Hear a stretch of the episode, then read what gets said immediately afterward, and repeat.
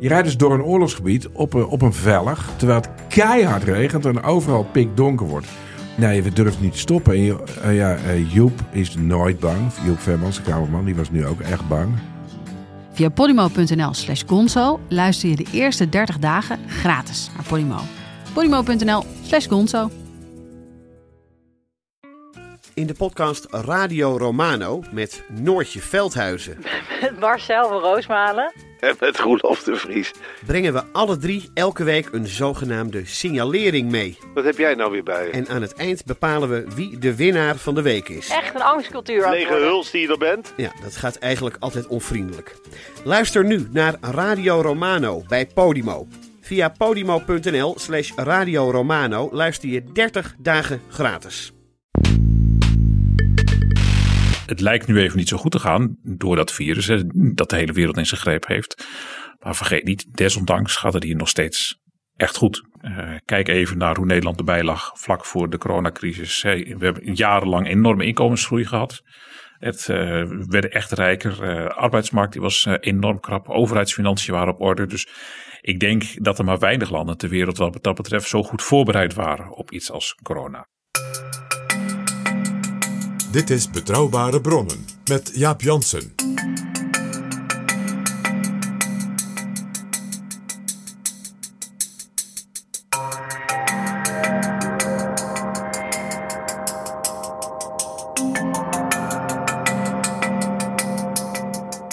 Hallo, welkom in Betrouwbare Bronnen, aflevering 118. We kijken met z'n allen zwartgalliger naar Nederland dan gerechtvaardigd is. Dat zegt de cijferman van Nederland, Peter Hein van Mulligen, hoofdeconoom van het Centraal Bureau voor de Statistiek. Nederland is een van de welvarendste landen ter wereld en onze uitgangspositie naar de toekomst is nog steeds heel goed. Hij verzet zich tegen het beeld dat veel mensen hebben. Met mij gaat het goed, maar met ons gaat het slecht. Integendeel, zegt Van Mulligen, ook met ons gaat het goed. Nog altijd. Hij schreef er een boek over, uitgegeven door Prometheus, en over zijn bevindingen in dat boek ga ik met hem praten. Dit is Jaap Jansen met Betrouwbare Bronnen. Welkom in Betrouwbare Bronnen, Peter Hein van Mulligen. Wij hadden in ons eerste seizoen Wopke Hoekstra te gast, de minister van Financiën, en hij raadde ons aan een boek te lezen, Factfulness van Hans Rosling. En wat is er nou zo aardig aan dat boek? Dat boek dat beschrijft dat we wel eens wat te somber zijn over waar we op dit moment staan met de wereld. Want het boek laat zien dat als je aan deze zaal vraagt hoeveel meisjes denken jullie dat er op dit moment in de wereld naar school gaan als je het vergelijkt met de jongens? Of hoeveel armoede denk je dat er voorkomt in de wereld eh, vergeleken met 30, 40 jaar geleden? Of hoe denk je dat het gesteld is met het, het uitsterven van allerlei dieren? Dan blijkt dat we keer op keer op keer de wereld veel negatiever inschatten dan hoe die nu is. U heeft nu een Nederlandse versie geschreven. Ja, zo zou je dat kunnen zien. Ehm, ik zal ook maar gewoon direct toegeven. Het staat ook in het boek dat eh, Rosling ook een inspiratiebron voor mij was. Eh, het- ik vond het wel opvallend bij het lezen van zijn boek. Hij beschrijft allerlei misvattingen die er heersen. En dan legt hij uit eh, hoe dat werkt en ook hoe het echt zit. En dat hangt hij op aan 12 of 13 vragen, multiple choice vragen, die hij overal waar hij kwam, legde hij de mensen voor. En dan kijken hoeveel ze goed hadden. Nou, de meeste mensen die hadden maximaal twee of drie goed. En eh, nou ja, goed, als je dat boek leest, dan ga je natuurlijk stiekem zo'n testje ook doen. Eh, en uiteindelijk had ik zelfs 12 van de 13 goed. Dat is niet iets waar ik me op voor wil staan, maar dat bevestigde voor mij maar weer eens van ja, kijk, ik ben, zit zo diep in die statistiek. eh, hoe het ook voor Nederland is. Dus dat het voor mij ook wel een eye-opener was. Niet zozeer wat hij beschreef, want de meeste dingen die hij beschreef wist ik wel. Maar vooral over hoe, ja, hoe weinig verspreid die kennis is bij heel veel mensen. En dat waren eh, echt niet de, de, domste, minst belezen mensen die die vraag beantwoorden. Dat vaak waren eh, mensen gewoon in hoge posities die op de hoogte waren van het nieuws, krant lazen, veel boeken en toch blijkbaar zo slecht eh, op de hoogte van heel veel zaken, van hoe het echt met de wereld stond. En ja, ik merkte toen ik erover na ging denken, dat het voor heel veel zaken wat betreft Nederland eh, ook wel zo geldt. Kijk, nou is er in Nederland is, dus, eh, is de vooruitgang natuurlijk veel minder spectaculair dan bijvoorbeeld een land als China of Afrika, het continent waar hij het over heeft. Maar ook hier in Nederland is er heel veel beter gegaan de afgelopen decennia. Terwijl over het algemeen het chagrijn overheerst over wat er allemaal niet deugt. Dus mijn, mijn conclusie was een beetje van hè, die misvatting die erover de stand van de wereld in zijn algeheel bestaan. Dus zoals hij die beschrijft, in, ja, op kleinere schaal geldt dat ook wel voor Nederland. We zien de wereld en we zien Nederland zwartgalliger dan nodig is. Ja, ja ik denk dat dat. Uh, ik denk dat het trouwens niet alleen een specifiek Nederlands is. Hè. We zeggen wel eens over onszelf: Nederlanders mogen graag klagen. Maar ik uh, denk dat dat voor de meeste landen geldt. Dat, ik denk dat het ook wel een beetje de menselijke aard is. Ik ben dan wel geen psycholoog, maar ik weet wel dat ja, zaken die slecht gaan, dat mensen daar gevoeliger voor zijn. Dat dat eerder opvalt. angst voor verlies is vaak groter dan de vreugde van, het, van de mogelijke winst. Uh, dus ik begrijp het heel goed en het heeft ook goede kanten. Want als je signaleert wat er slecht gaat, dan kun je er ook aan wat willen doen. En als je maar achterover leunt en zegt van nou het gaat allemaal wel best zo prima. Nou, dan verandert er nooit wat. Hè. Uiteindelijk is iedere vooruitgang die de mensheid heeft geboekt, uh, komt voort uit de wens om bepaalde zaken beter aan te pakken. Er is ook wel eens geprobeerd om een krant te maken die alleen maar goed nieuws bracht. En dat bleek toch een hele saaie krant te worden. Ja, ja dat geloof ik direct. Kijk, uh, goed nieuws is geen nieuws.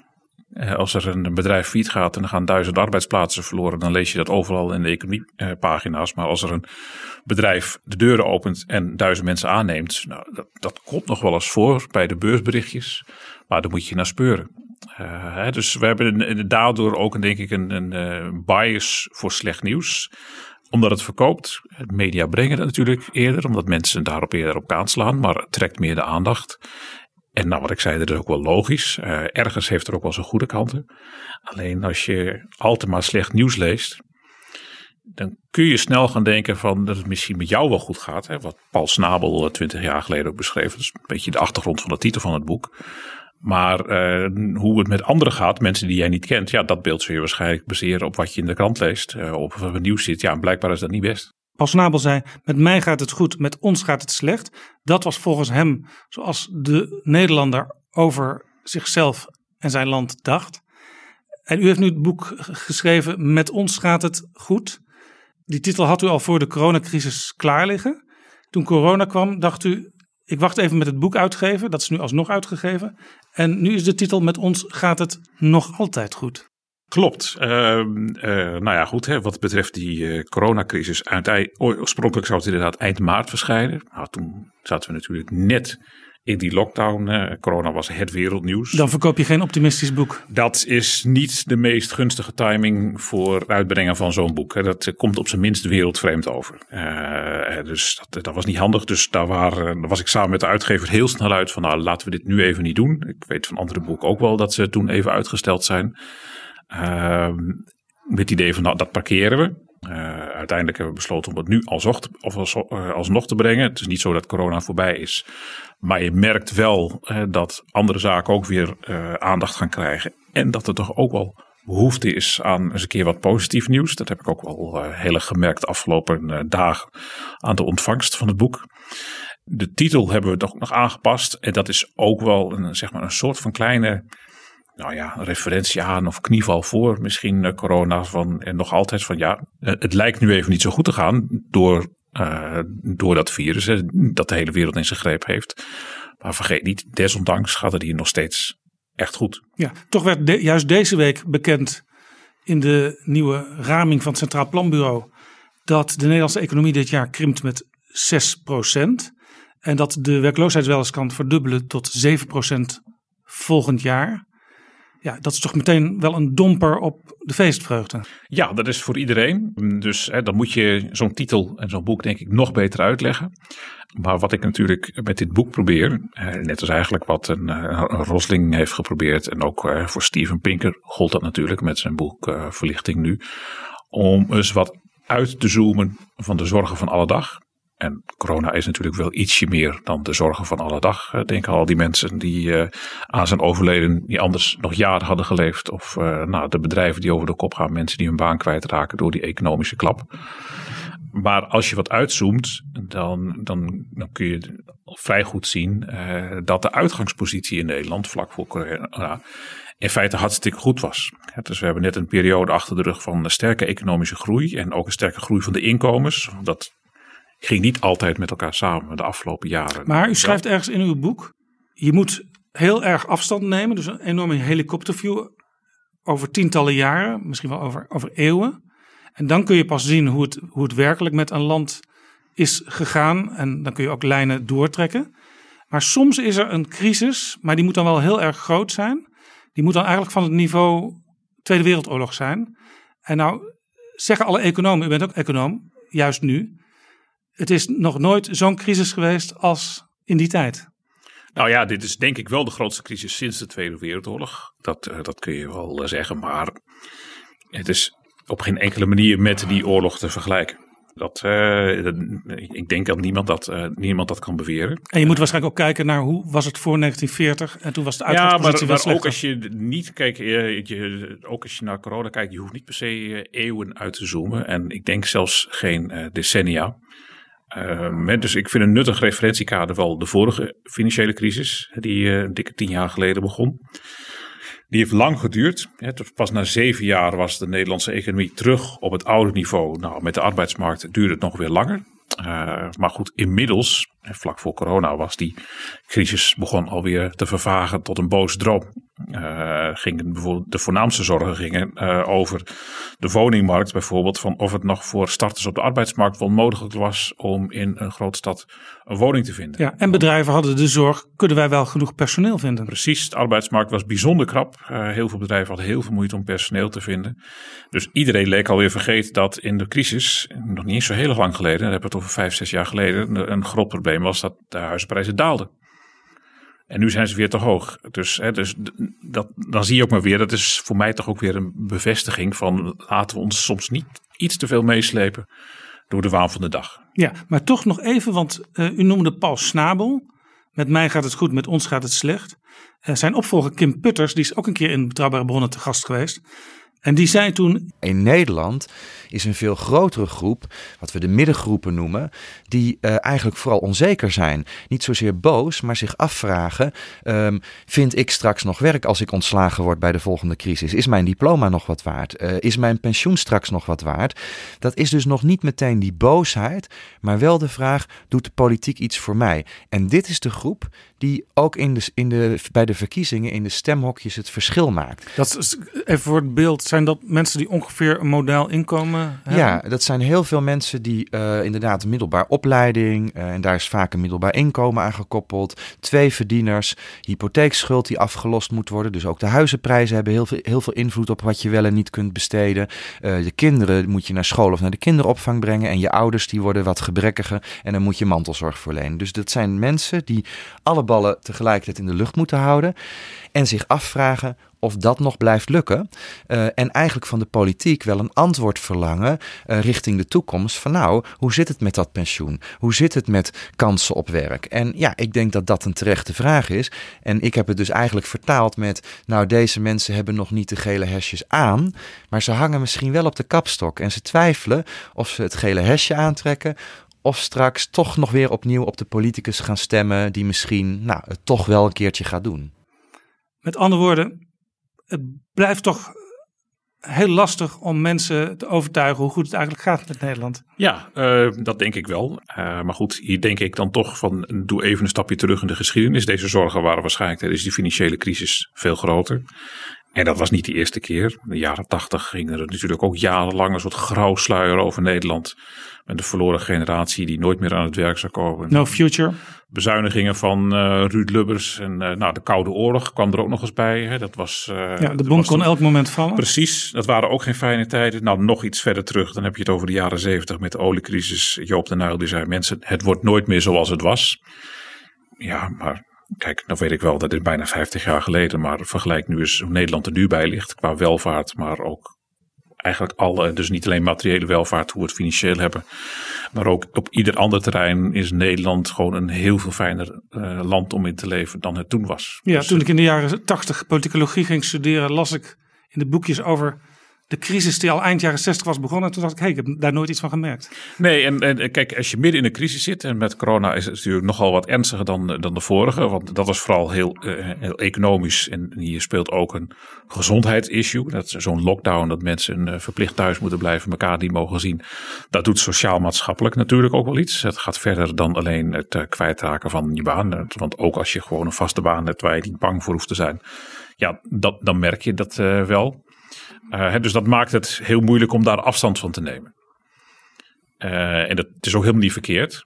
maar ik denk niet dat dat automatisch betekent dat we de ogen moeten sluiten voor het feit dat heel veel dingen in Nederland ontzettend goed gaan. Kijk even naar hoe Nederland erbij lag vlak voor de coronacrisis. We hebben jarenlang enorme inkomensgroei gehad. Het werden echt rijker. Arbeidsmarkt die was enorm krap. Overheidsfinanciën waren op orde. Dus ik denk dat er maar weinig landen ter wereld wat dat betreft zo goed voorbereid waren op iets als corona. Ja, toch is een vrij algemeen aanvaard beeld dat de welvaartsgroei voor veel mensen al tientallen jaren on hold staat. Klopt. Hoe kan dat dan? Ja, nou dat is, nou ja, goed, dat is niet toevallig een van de mythes die ik uh, aanstip. Uh, ook degene waar ik de meeste bladzijden voor heb uitgetrokken. Misschien ook omdat ik econoom ben en uh, daar de meeste affiniteit mee heb van nature. Er verschijnen ook bijna dagelijks boeken waarin dat zo'n beetje de centrale stelling is. Ja, ja onlangs nog. Het boek van Toomgroei was het geloof ik. Ja, van helemaal uit van de kern van, nou ja, we gaan al decennia er niet meer op vooruit. En alle voorzieningen zijn, uh, zijn uitgekleed. Er is stevig bezuinigd. En, en, en alle winsten die gaan naar het bedrijfsleven. Uh, ik ken dat sentiment. Maar nou ja, goed. Bij mijn boek heb ik natuurlijk extra studie gemaakt van alle statistieken die we hierover voorhanden hebben. En er is niets dat daarop wijst. Er zijn wel perioden geweest dat het met het inkomen niet zo goed ging. Uh, dat waren vooral, uh, was ongeveer het eerste decennium van deze eeuw. Toen stonden de inkomens lange tijd stil. Sinds de crisis zijn ze wel weer hard gestegen. En stegen, ging het met inkomens ongeveer net zo hard als het BBP, wat, wat vrij uitzonderlijk is. Maar als je over die langere termijn kijkt, uh, sinds eind jaren 70, dat was ook de referentiekader dat de Rabobank een paar jaar geleden had. Ja, die hebben in 2018 een rapport geproduceerd. En daar spraken ze van al bijna 40 jaar stilstand. Klopt. Nou, dat vond ik toen al een uh, verrassende conclusie. Intuïtief dacht ik van, dat, dat kan toch haast niet kloppen. Uh, ook niet als je om je heen kijkt van uh, kijk naar hoe we mensen, hoe we nu leven met z'n allen. De spullen waar we ons geld aan uitgeven, wat we doen. En een rapport van de Rabobank, dat is toch niet uh, nee, de eerste, de beste nee, club? Nee, dat is niet een of andere belangengroep. Dat je en die hebben er ook geen belang bij om nee. mensen zwartgalligheid aan te praten. Nee, dat leek mij ook niet. Dus dat is, ik, daar heb ik inderdaad ook met bovenmatige belangstelling naar gekeken. En, en toen kwam ik ook al snel erachter dat ze naar huishoudens hebben gekeken. Uh, en, en, dat is toch wel een dingetje. Uh, want in Nederland is het aantal huishoudens de afgelopen jaren heel veel sneller gestegen dan het aantal mensen. En ook dan sneller dan het inkomen. Dat omdat meer mensen alleen wonen, omdat meer mensen een ouder gezin zijn. Huishoudens zijn kleiner geworden. Uh, de mensen hebben minder kinderen. er zijn veel meer alleenstaanden. In de jaren zeventig was 20% ongeveer van de huishoudens was een eenpersoonshuishouden. En dat waren voornamelijk uh, ja, oudere mensen uh, die verweduwd waren. Uh, want jonge alleenstaanden, die had je niet zoveel. Ook twintigers die, die op, niet meer bij hun ouders wonen. Waren een overgrote meerderheid, waren die getrouwd. Ja, bijna elk huishouden was een gezin. Precies. En dan als er geen kinderen waren, waren ze of nog niet geboren of het huis al uit. En alleenstaande had je veel minder. Ja, nu is 40% van alle huishoudens is een alleenstaande. En daar zitten ook gewoon heel veel twintigers, dertigers bij. Ja, dus als je het totale bedrag deelt door veel meer huishoudens, ja, dan krijg je vanzelf een ja. relatief lager bedrag. Ja, precies. Hè. Je kunt ook kijken naar de ontwikkeling van het inkomen. En dan heb je de ontwikkeling van het huishouden en van het aantal mensen. Nou, de ontwikkeling van het aantal huishoudens is ongeveer gelijk gegaan met het, uh, met het inkomen. Dus dan denk je, ja, per saldo is er uh, niks bijgekomen, maar het aantal mensen is veel minder hard gestegen. Dus wat je dan eigenlijk doet, is dat je het inkomen van een gezin van toen, ik chargeer even, maar zeg maar een gezin van toen met twee kinderen, vergelijkt met het inkomen van een alleenstaande nu. Ja, dat, dat is natuurlijk geen verre vergelijking. Want een, een alleenstaande heeft veel minder kosten. Ja. Je, je, hebt een minder groot huis nodig, je, hebt, je hoeft minder te stoken, je hebt minder boodschappen nodig, je hebt veel meer geld voor jezelf. En als je kijkt naar wat is er met gebeurd met het inkomen per Nederlander, dat ligt nu zo'n 40, 50 procent hoger dan toen. Dat is, uh, en dat is een enorme verbetering. Maar uh, het is, ik wil me nooit blind staren op dat soort percentages. Hè, want dat wordt heel abstract. Dus ik heb ook gekeken van, uh, nou, maar hoe, hoe, zit het welvaart, de welvaart nu Wat is nu het bestedingspatroon van mensen nu? Ja, wat kun je met dat geld doen? Ja, wat, nou ja, dus ook nog even los van inflatie. Want dat hebben ze natuurlijk bij de Rabobank eruit gehaald. Dat heb ik ook gedaan. Maar kijk waar, waar we nu uh, geld aan uitgeven. Uh, zaken die we nu volstrekt normaal vinden. Dat was toen luxe. En dan heb ik niet eens zozeer over apparaten. Want die zijn natuurlijk heel erg hard in prijs gedaald. En een tv is nu goedkoper dan die toen was door technologische vooruitgang. En met een iPhone kun je meer doen dan de mensen die in de Apollo zaten? Uh, ja, dus, dus uh, dat, dat soort dingen zijn nu beschikbaar. En dan, uh, dan kun je ook nog wat, wat, doen. Ja, ach, nou ja, zo'n telefoon. Konden toch vroeger prima zonder. Hè. Misschien kennen we dat filmpje van Frans Promet wel van eind jaren negentig. Dat hij de straat op ging en mensen vroegen, nou, zo'n mobiele telefoon. Gaat iedereen kopen? Nou, dat vond iedereen volstrekte nonsens. Dat vinden we nu heel grappig, maar dat waren we toen, keken we daar anders tegenaan. Maar en dit zijn voorbeelden die nog weer eens extra naar voren komen nu in de, de coronacrisis. Uh, vrije tijdsbesteding, bijvoorbeeld uh, de horeca. Of op vakanties gaan. Nou, ik ben ook opgegroeid in de jaren tachtig. En dan, nou, dan ging je misschien één keer per jaar naar een restaurant bij hele speciale gelegenheden. En dat was dan het Chinees-Indisch restaurant in het dorp. Ja, ja, er zijn nu heel veel mensen, zeker ook alleenstaande, die meerdere malen per week in een restaurant precies, zitten. en dat zijn, uh, en dat zijn echt niet de mensen met uh, bovengemiddelde inkomens. Heel veel mensen met hele modale inkomens, die bezoeken de horeca nu veel vaker. Hè. Het geld dat we daaraan uitgeven, dus dan heb je het over restaurants, maar ook cafébezoek, hotels. Dat is uh, ettelijke malen groter dan toen. En, en nu met corona zie je dat ook. een paar, dus begin juni werd dan de lockdown eraf gehaald. De horeca mocht weer open. En dan ging een soort zucht van verlichting door Nederland. Hè, hè, eindelijk weer eens een keer uit eten. Weer eens naar mijn Ik liep om 12 uur s middags die dag in Den Bosch over het plein bij de Sint-Jan, de parade. En mensen stonden al klaar om op de terrasjes te gaan zitten. Ja, precies. En, en uh, vanuit het perspectief van toen, en, en dan hoef je niet eens zo heel lang terug uh, in, in de tijd is dat natuurlijk een enorm teken van welvaart. En, en, dat is ook het hele punt. Uh, met vakanties kun je hetzelfde punt maken. Uh, en vroeger was het al heel wat als je met de caravan naar Frankrijk ging. Dat, dat de mensen die dat deden, die hadden een bovengemiddeld goed inkomen.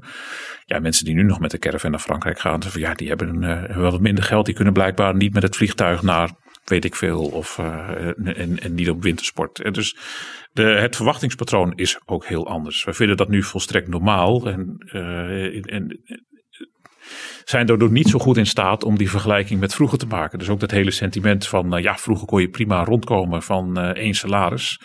En nu moet je uh, twee vrienden zijn en heb je minder geld. Van, nou, als je het bestedingspatroon aanhoudt van dat iemand dat toen had, dan zou je nu enorm veel geld overhouden. Dus in theorie zou je nog steeds in een gezin één kostwinnaar kunnen hebben en toch nog redelijk rond kunnen komen. Absoluut. Uh, en helemaal als je het bestedingspatroon zou hanteren van uh, wat in de jaren 70, 80, 90 als volstrekt normaal werd gezien. Maar het bestedingspatroon dat toen normaal was, als je dat nu moet doen, ja, dat zullen veel mensen als een beetje armoedig ervaren. Want uh, ja, de buurman die, die gaat wel drie, vier keer per jaar op vakantie. En ik moet het doen met één keer in het jaar twee weken kamperen in Frankrijk. Dus het kan nog steeds, alleen ja, je, je hebt dan een ander bestedingspatroon. Ja, misschien als, misschien zou, zou er eens naar foto's uit de jaren 70 moeten worden gekeken. Dan zie je veel opgelapte broeken. En nu maken we zelf de scheuren in de broeken. Uh, ja, nou ja, kijk, in de jaren 70, daarvan kun je zeggen, ja, maar dat is ook wel heel lang geleden, dat weten we ook wel. Maar ook in de jaren 90 was dit heel anders. En uh, er, is als, er is één groep die er wat dat betreft echt uitspringt. Uh, dat zijn de gepensioneerden. Uh, dat zijn natuurlijk geen mensen met een salaris, want die, dat, daarvan kun je niet meer spreken voor één of twee verdieners, omdat ze dan met pensioen zijn. Maar ook tot echt ver in de jaren negentig was uh, armoede, echt een laag inkomen, was een wijdverspreid fenomeen onder gepensioneerden. En dat is nu bijna volledig uitgeroeid. Uh, in, in die tijd gingen de mensen met pensioen waren, die gingen vrijwel nooit met vakantie. Niet omdat ze geen tijd hadden, dat was het probleem niet, maar ze hadden het geld er niet voor. Ja, u schrijft in uw boek, nu is nog maar 3% echt arm van de gepensioneerden. Ja, ja, er is geen enkele leeftijdsgroep waar dat zo laag is. En daarvan wil ik niet zeggen van de gepensioneerden moeten niet zeuren. Ze hebben het hartstikke goed. Er, uh, ze hebben natuurlijk er is zelfs veel een te lijden gehad Er is met... zelfs een aparte politieke partij voor opgericht. Precies, voor hun belangen. en, uh, en het doet nogal pijn in je portemonnee als jouw persoonlijke pensioen niet geïndexeerd wordt. Dan heb je er weinig boodschap aan dat de generatie voor jou het wat minder had. Maar ja, dan kom ik weer terug bij de titel van het boek. als we zeggen dat het met ons slecht gaat, want dat was die uitspraak van Paul Snabel. Dan zeg je dus met ons als Nederland als geheel. En dat klopt niet. En dan weet ik nu wel dat, ook wel als je zegt met ons gaat het goed, dat er altijd mensen zijn voor wie dat niet zo geldt. Ik ben, uh, ik ben statisticus, dus ik ben ook op de hoogte van fenomenen als uh, uh, gemiddelde en, spreiding. Maar, dus die spreiding is er. Maar je kunt niet zeggen dat het met ons slecht gaat. Nog een ander beeld als je naar de, de welvaartsgroei kijkt. Dat is eigenlijk het beeld van Thomas Piketty. Die vaak ook wordt geciteerd ook in de politiek. Die zegt de kloof tussen een zeer rijke bovenlaag en de rest is fors toegenomen. Um, ja, ik ken zijn standpunt en hij maakt heel veel goede punten. Alleen hij haalt wat verschillende zaken door elkaar. Uh, wereldwijd is natuurlijk heel veel veranderd. Uh, een ander boek uh, van voormalig IMF-econoom uh, Branko Milanovic, die beschrijft dat ook. dat is dan de bekende olifantscurve waarin die laat zien van nou, hoe is het met de inkomens gegaan de afgelopen twintig jaar. De olifantscurve. Bij verschillende groepen ter wereld. En als je daar een lijntje van maakt, dan ziet het er een beetje als een olifant uit. Namelijk hè, de wereldwijde middenklasse, die is er enorm op vooruit gegaan. De aller, allerarmsten, die zijn er niet echt op vooruit gegaan. En dan heb je de wereldwijde subtop. Dus zeg maar mensen die zo rond uh, de 70, 80 procent groep zitten van de, de inkomens. Die hebben een slechte tijd gehad. En dan heb je nog de allerrijkste, dus voorbij, dus de rijkste 5% noem ik het voor even. Die zijn er heel erg omhoog gegaan. Dus dat is dan de slurf van de olifant die ineens weer omhoog schiet. Maar Uh, met de bulk is het veel en veel beter. Met de bulk en, dat, en, en die bulk, dat zijn voornamelijk uh, mensen in landen die heel erg in opkomst zijn geweest. Vooral landen als China en India. Daar is een onzagwekkende welvaartsgroei geweest. En goed, dan kun je zeggen van ja, dat is allemaal leuk voor ze, maar wat koop ik daar hiervoor? Uh, heel veel Nederlanders die zitten ook wel bij die rijkste groep. Er wordt er gesproken over de wereldwijde 1%. Nou, vergis je niet. Daar zitten heel veel Nederlanders bij die zichzelf absoluut niet tot de rijkste 1% rekenen. Binnen Nederland zitten ze zeker niet bij de rijkste 1%. Maar als jij hier in Nederland een, een koopwoning hebt uh, met een WOZ-waarde van ongeveer 5 ton. Nou, en die mensen heb je best wel. Dat is echt niet uh, de financiële elite. Dan is de kans heel groot dat jij bij die 1% zit. Heel ja. veel Nederlandse gepensioneerden die een, een eigen woning hebben waarvan de hypotheek zo'n beetje is afgebetaald.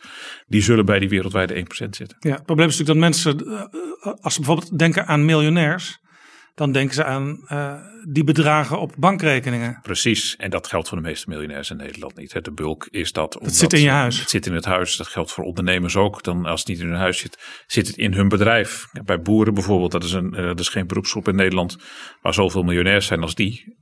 En dan wordt altijd gezegd, ja, maar dat geld zit in de grond. Dat is helemaal waar.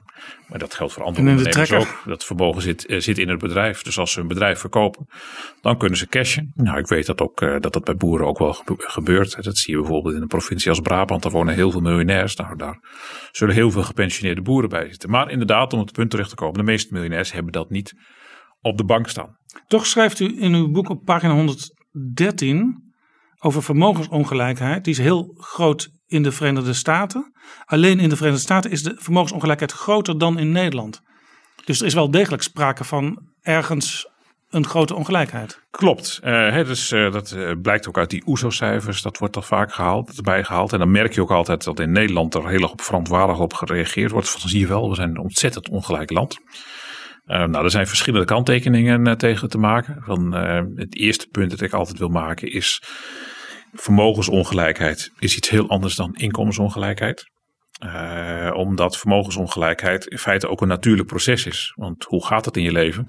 Als je net afgestudeerd bent, je bent klaar met je opleiding, je begint te werken, dan de meeste mensen hebben dan geen vermogen. Nee, dan heb je een negatief vermogen, want je uh, moet lenen. Precies, hè, je, moet, uh, je moet geld lenen voor je studie. Dus je hebt nog misschien nog een studieschuld. En uh, het eerste huis dat je koopt, als je een beetje pech hebt, dan is de waarde van het huis niet groter dan, dan de hypotheek. Dus dan is je vermogenspositie heel slecht. Maar naarmate je ouder wordt, je betaalt je hypotheek af, uh, je bouwt verder wat vermogen op. Dus in de loop van je leven bouw je steeds meer vermogen op. Dus dat er vermogensongelijkheid is, is ook logisch. In Nederland, de grootste vermogen zit bij de mensen die wat ouder zijn. Maar dat is niet gek, want die hebben leven lang dat vermogen kunnen, uh, kunnen opsparen. Vooral in hun huis, maar het is nog steeds vermogen. Dat zit in die vermogensongelijkheid. Dus dat in alle landen de vermogensongelijkheid groter is dan de inkomensongelijkheid. Dat is niet gek. En als je erover nadenkt, dan kan niemand dat erg vinden. Want het lijkt me toch een beetje gek als je zegt van nou, uh, waarom zou een uh, gepensioneerde meer vermogen moeten hebben dan een twintiger? Nou, dat lijkt mij uitkomst van een vrij logisch proces. Daar, daar zie ja, dus, dus je zou eigenlijk kunnen zeggen, uh, Willem Vermeend, oud-minister, die zei dat toen, toen hij het boek van Piketty had gelezen. het is een interessant boek, maar als je naar Nederland kijkt, Nederland is Piketty-proof. En daarmee bedoelde hij, als je de test van Piketty op Nederland doet, dan kom je niet op zulke extreme verschillen uit? Nou ja, kijk, uh, er, is nogal wat uh, op, uh, op af te dingen. in Nederland is de vermogensongelijkheid inderdaad heel groot. Dus wat ik net beschreef, dat geldt natuurlijk is een algemeenheid voor maatschappijen. Dan kun je nog steeds afvragen, wat, waarom is dat in Nederland zoveel erger? er spelen verschillende zaken, bijvoorbeeld ons pensioenstelsel. Je moet verplicht sparen voor je pensioen. Dus heel veel geld dat je anders in je vermogen zou stoppen, dat zit daarin. En daar profiteert iedereen van die bij een pensioenfonds zit. Dus ja, want dat geld dat is, ben je kwijt als je sterft en je kinderen krijgen het niet. Ja, en je bouwt het wel op, alleen het zit niet in je vermogen. je, je rekent dat niet mee. Terwijl uh, ook mensen die bijvoorbeeld geen koopwoning hebben en op die manier weinig vermogen hebben opgebouwd, maar gewoon wel uh, bij een pensioenfonds zitten, hebben in de loop van hun werkzame leven veel vermogen opgebouwd. Alleen je ziet het niet in de cijfers terug. Hè. Dat pensioenvermogen heeft een hele grote nivellerende werking. Uh, dus uh, en dat, heeft, dat systeem in Nederland is vrij uniek. Als je dat mee zou nemen, zou die vermogensongelijkheid echt een behoorlijk stuk uh, lager uitvallen. En dus dan zou Nederland alweer wat, wat zakken in die ranglijsten. en wat ook nog weer een dingetje is. Ehm, ja, goed, mensen kijken wel eens verbaasd op als ik dat zeg.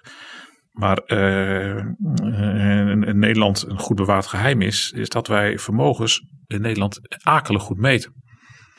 Want die cijfers uh, die wij maken over vermogens, waar dus ook die vermogensongelijkheid mee berekend wordt, dat is afkomstig van de fiscus. Uh, de Nederlandse fiscus heeft haarscherp wat het vermogen is voor Nederlanders. Is in, Sinds in ons Nederland. geld niet meer in eh, Luxemburg of Zwitserland. Nou ja, kijk, vermogen buiten Nederland, dat, dat, dat weten ze niet. Maar alles wat je in Nederland hebt, of nou een bankrekening is, of in je bedrijf, of in je huis, dat weet de fiscus. En daar wordt dat op gebaseerd. En hoe werkt dat in andere landen als eh, een statistisch bureau een inschatting maakt van je vermogen? Dat is op basis van enquêtes. Ja.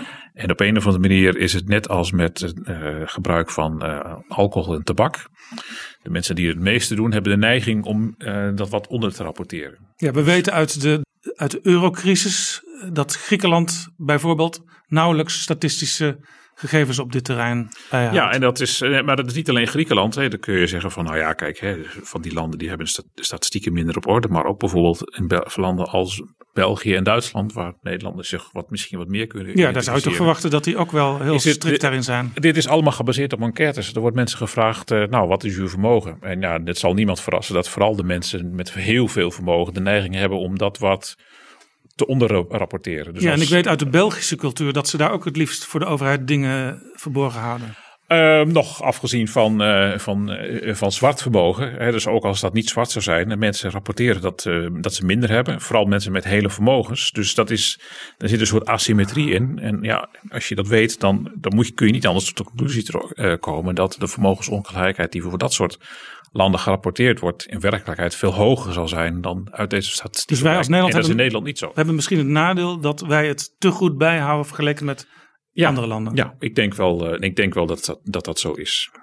Ja, en uh, ja, goed, het is eigenlijk niet mogelijk om te zeggen hoe het dan zo zou, zou zijn. En, maar uh, om weer even bij het algemene punt uit te komen, vermogensongelijkheid. Je kunt je ook afvragen of het net zo erg is als inkomensongelijkheid. Want je inkomen, dat is iets wat je maandelijks nodig hebt om van rond te komen, om je boodschappen te doen, je huur te betalen, hypotheek, noem maar op.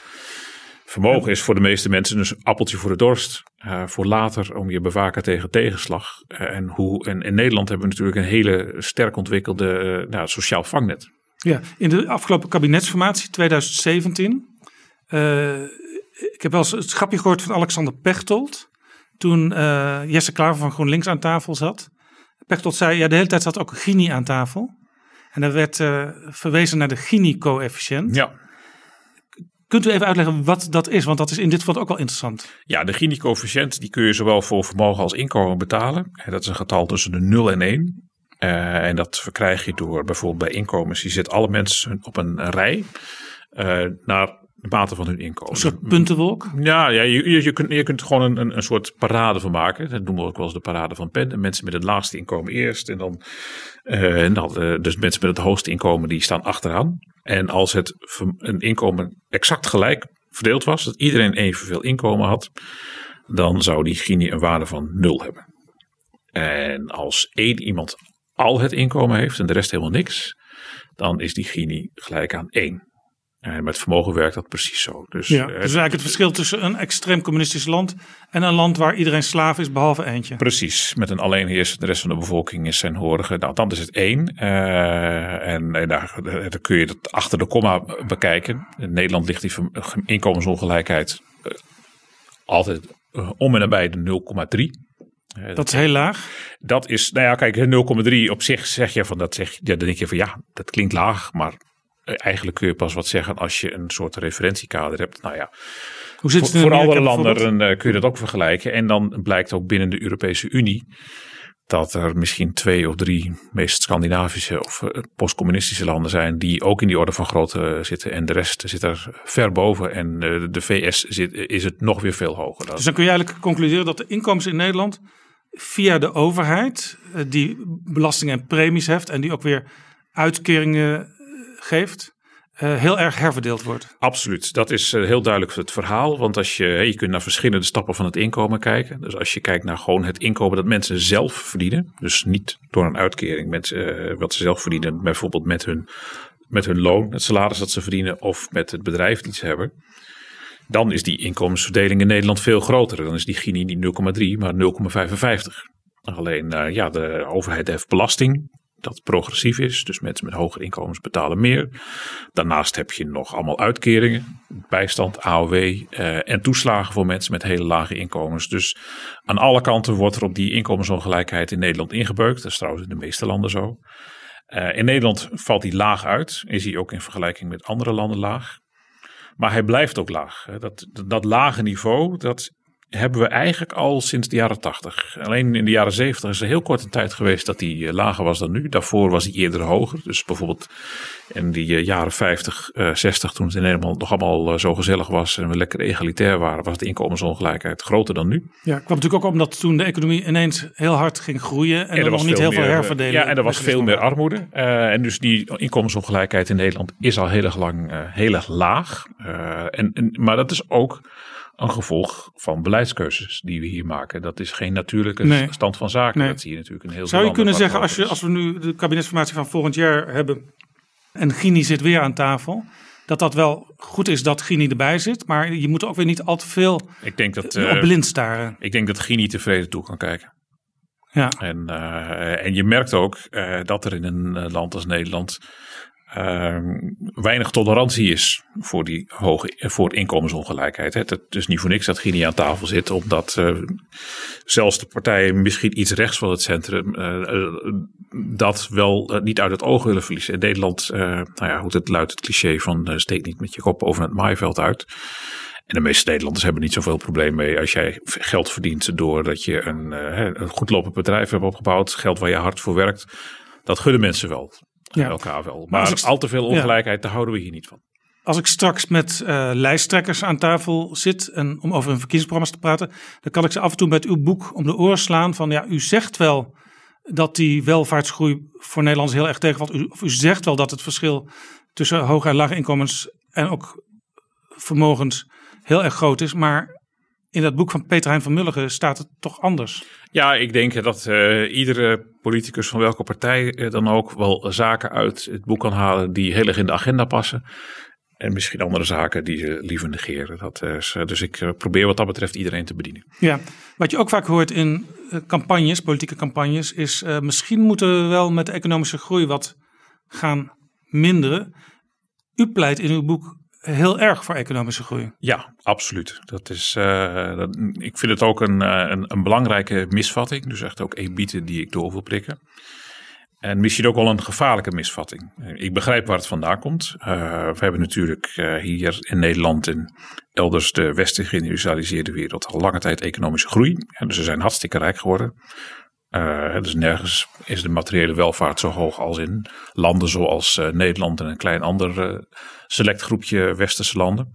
Maar alleen ja, de afgelopen decennia is die, die economische groei natuurlijk ook wel gepaard gegaan met milieuvervuiling. Ja, een grote ecologische voetafdruk. ja, absoluut. Eh, CO2-uitstoot is daar natuurlijk ook een rechtstreeks gevolg van, van die, van die ontwikkeling. Dus je kunt zeggen van daar moeten we absoluut mee stoppen, willen we de planeet redden.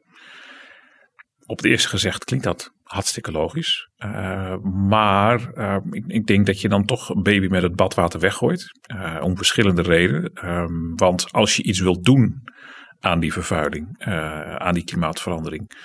Dat vergt investeringen, dat vergt innovatie. En dat betekent dus economische groei. er zijn veel misvattingen over wat economische groei nou eigenlijk is. Je kunt er op heel veel verschillende manieren naar kijken. Heel vaak wordt het gelijkgesteld aan groei van het bruto binnenlands product. Uh, en dat is een redelijk, als ruwe maatstaf kom je daar wel een end mee weg. Hè, zo presenteren we bij het CBS die cijfers vaak ook. Maar uiteindelijk is economische groei simpelweg het gevolg van innovatie. Doordat we slimmer dingen gaan doen. Natuurlijk is economische groei ook gerealiseerd doordat we de oerwouders in plat gaan branden om palmolieplantages aan te leggen of allemaal grondstoffen uit de grond te halen.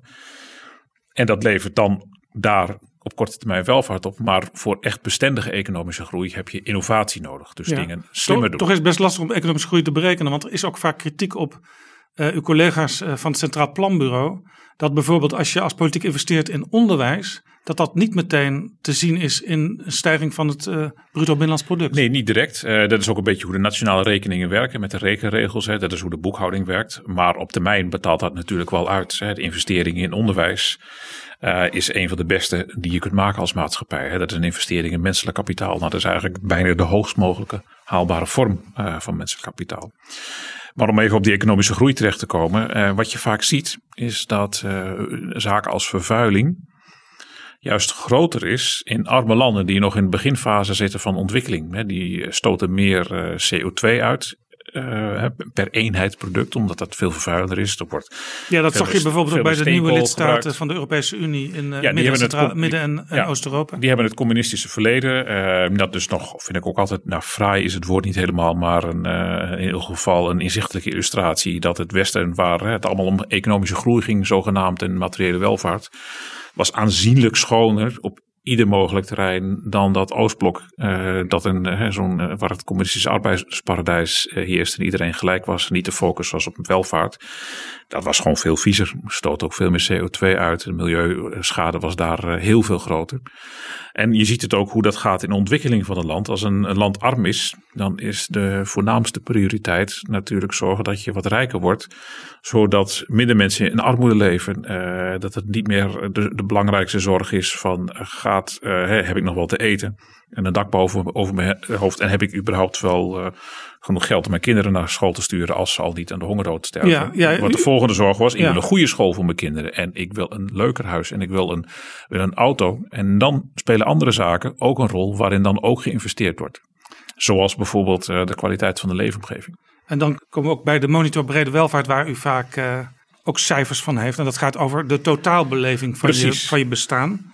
Ja, en, en, economische groei is daar een onlosmakelijk onderdeel van. Het is, het, uh, in dit soort pleidooien hoor ik vaak schemert een soort wereldbeeld in door van nou, economie, dat gaat alleen maar om geld en dat andere dingen zijn belangrijk. Andere dingen dan geld zijn zeker belangrijk. Maar u zegt dus eigenlijk, groei kan heel goed groen zijn. Sterker nog, als het echt goed met ons gaat, dan is die bijna vanzelf groener. Als je, eh, als je er werk wil van wil maken uh, om, nou ja, laten we het pathetisch noemen, planeet te redden of in ieder geval de boel schoner te maken, ontkom je niet aan economische groei, want dat vergt uh, innovatie. En dat betekent e-, economische groei. En nog, uh, dat hebben we natuurlijk in het verleden ook gezien. Wij kunnen best groeien zonder die zware milieuvervuiling. Dus in mijn boek noem ik ook bijvoorbeeld de voorbeelden van uh, fijnstofuitstoot, stikstofuitstoot, maar ook zaken als de, de, uitstoot van CFK's met het gat in de ozonlaag als gevolg. Dat zijn zaken die onderkend werden waar wat aan gedaan is. En toen bleek dat we prima verder konden groeien zonder die uitstoot. Ja, heel interessant in een boek ik, u noemt die stikstof, dat het veel erger is geweest dan nu in het verleden. Terwijl we juist onlangs nog dachten, we moeten stoppen met alles, want die stikstof die uh, overwoekert ons. Ja, ja, nou kijk, dat het beter gaat uh, dan ooit. Uh, en sterker nog, eind vorig jaar heeft ook RIVM een rapport uitgebracht waaruit bleek, uh, dat, dat ging dan over fijnstof, dus dat is wat breder, hè, dat die door de daling van de concentratie fijnstof, dat had de levensverwachting in Nederland met zes jaar heeft verlengd. Nou, dat vind ik nogal wat. Dat vind ik een enorme welvaartsverbetering. En dat heeft ons geen euro gekost. Het is echt niet zo dat we toen al die tijd de economische groei on hold moesten zetten. Want de levensverwachting. Het is allemaal gepaard. Er zijn bijvoorbeeld roetfilters gekomen. Bijvoorbeeld. Dus het, het, het is eigenlijk een, soort fysieke kwestie. Er, dan ga ik weer even naar de CO2-uitstoot. Het is allemaal het gevolg van ons energieverbruik. We verbruiken energie voor onze productieprocessen, voor het vervoer, voor, uh, voor verwarming van huizen, kantoren. Alles dat kost energie. En dat hebben we de afgelopen decennia vooral met fossiele brandstoffen gedaan. En ja, met als gevolg heel veel CO2-uitstoot. Maar het is, niet, het is geen natuurwet dat je alleen maar energie op kunt wekken met zaken die heel veel CO2 uitstoten. Uh, andere zaken die zijn nu nog wat ingewikkelder en hebben minder rendement. Uh, of hebben, uh, zoals zon- en windenergie, die hebben allemaal hun nadelen. Kernenergie zit je met het afval. Maar het is niet zo dat het alleen maar kan met CO2-uitstoot. Nee, en u zegt eigenlijk, als je twijfelt aan de European Green Deal van Frans Timmermans en Diederik Samson. het kan heel goed als je het maar heel goed en slim aanpakt. Het kan ook wel. Dat is, uh, ik denk dat als je uh, kiest voor, nou, dan moeten we maar niet groeien, dat het eigenlijk een soort capitulatie is. Want dat, nog afgezien verder van alles wat dat betekent. Want iedere vorm van welvaart, op wat voor manier het ook wel bekijken, gaat gepaard met economische groei. Er zijn in de wereld geen landen waar andere vormen van welvaart, dat het daar goed mee zit. Maar tegelijkertijd landen zijn met, uh, met geen economische groei van betekenis. Hè. Dat bruto nationaal geluk van uh, Bhutan, wat ze daar dan zogenaamd doen, waar iedereen zegt van ja, dat moeten we zo doen. Nou, ik denk dat de mensen in Bhutan uh, graag wat economische groei zouden willen, want het is nog steeds een straatarm land met een aanzienlijk lagere levensverwachting. En dan kunnen ze wel zeggen wij gaan voor geluk. Maar meer materiële welvaart eh, gaat bijna één op één gepaard met geluk. Het is, niet, het is geen uh, voldoende voorwaarde. Er zijn natuurlijk ook landen met een, uh, met een hoog BBP per hoofd van de bevolking, waar het met andere maatstaven van welvaart wat minder is gesteld. Denk bijvoorbeeld aan de oliestaten in het Midden-Oosten. De maatschappelijke vrijheid is daar een stuk minder hier. De kwaliteit van het onderwijs. Dus ik denk dat de meeste Nederlanders daar niet mee zou willen ruilen. Maar de andere combinatie, een hoge welvaart, maar een, een laag BBP per hoofd van de bevolking dat bestaat niet en dat kan ook niet. Dit is Betrouwbare Bronnen, een podcast met betrouwbare bronnen.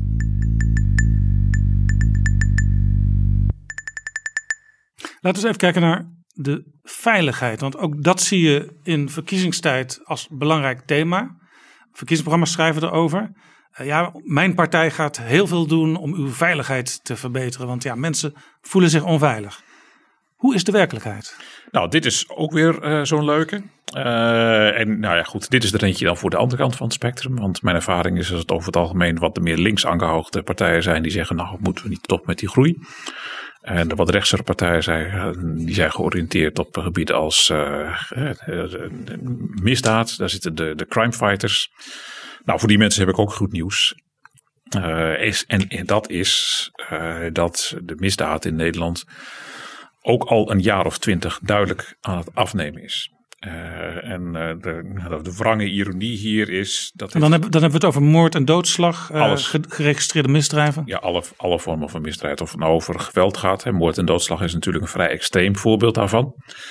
niet ieder geweldsmisdrijf in Nederland is direct een moordpartij, gelukkig.